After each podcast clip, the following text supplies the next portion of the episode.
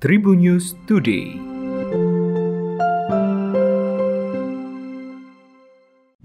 Halo Tribuners, berjumpa kembali bersama Hakim di Tribun News Today.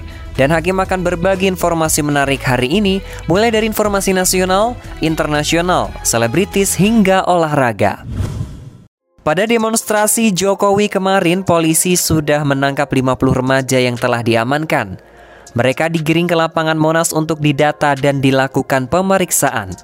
Dari puluhan remaja tersebut, didapati ada dua remaja yang membawa senjata tajam. Diduga para remaja itu merupakan penyusup yang hendak menumpang untuk membuat provokasi dalam aksi unjuk rasa itu. Penangkapan puluhan remaja itu dikatakan sebagai bentuk antisipasi dari kerusuhan pada unjuk rasa kemarin. Maka saat itu, polisi Ditreskrimum Polda Metro Jaya mendata para remaja tersebut. Para remaja itu didapati di sekitar Monas. Umumnya mereka mengaku ingin mengikuti dalam aksi unjuk rasa karena terpengaruh ajakan di sosial media. Sejumlah remaja diamankan dari berbagai elemen mulai dari pelajar SMK dan bukan pelajar.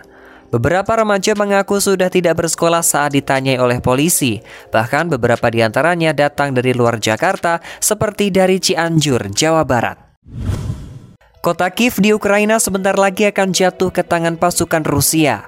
Kabar itu disampaikan oleh pemimpin Republik Chechnya Ramzan Kadyrov pada hari Senin 11 April 2022 kemarin. Ramzan menyebutkan pasukan Rusia masih akan terus bergerak dan menguasai sejumlah wilayah Ukraina, termasuk di antaranya adalah kota Kiev. Lewat kanal telegramnya, Kadyrov juga menyebut serangan-serangan masih akan terus terjadi untuk membebaskan wilayah Luhansk dan juga Donetsk secara penuh. Kadyrov menegaskan tidak ada keraguan tentang pengambilan alih kota Kiev. Ia menegaskan bahwa pasukan Rusia tidak akan mundur. Kadyrov yang sering menggambarkan dirinya sebagai kaki dari Presiden Vladimir Putin telah berulang kali dituduh oleh Amerika Serikat dan Uni Eropa melakukan pelanggaran hak, namun Kadyrov selalu menyangkalnya. Sebelum tunduk pada Rusia seperti saat ini, wilayah Chechnya telah dua kali berperang dengan pasukan Rusia sejak Uni Soviet pecah pada 1991 lalu. Wilayah berpenduduk mayoritas muslim di Rusia Selatan ini akhirnya tunduk setelah pemerintah Rusia menggelontorkan sejumlah besar uang ke wilayah itu untuk pembangunan. Putin juga memberikan Kadyrov otonomi yang sangat luas pada Chechnya. Adik Vanessa Angel Mayang, Luciana Fitri atau yang akrab disapa Mayang kini mendapatkan tawaran bermain film. Dalam film horor yang berjudul Lea Kajeng Kliwon, Mayang menjadi pemeran utama sebagai warga Bali. Dikutip dari YouTube Intense Investigasi pada Senin 11 April kemarin, Mayang menjelaskan peran yang akan dimainkannya.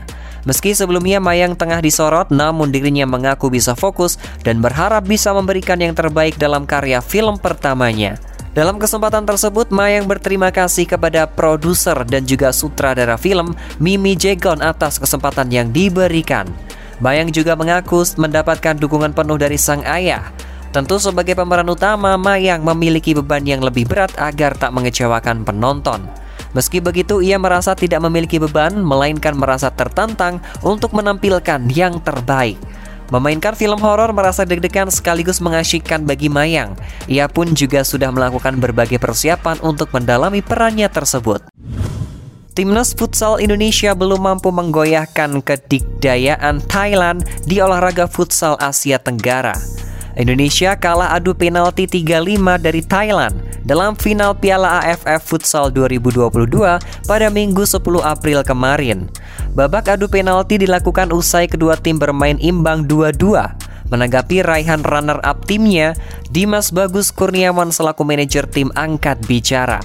Sebelumnya timnas futsal Indonesia sebenarnya berpeluang meraih juara pasca unggul 2-0 lewat gol Holly Paul Septinus atau akrab disapa Evan Somilena dan juga Ardiansyah.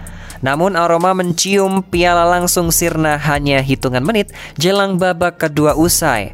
Thailand memainkan power play yang membuat langganan juara AFF ini berhasil memperkecil keunggulan menjadi 1-2 di menit ke-39 lewat kaki Krit Aran Sanyalak.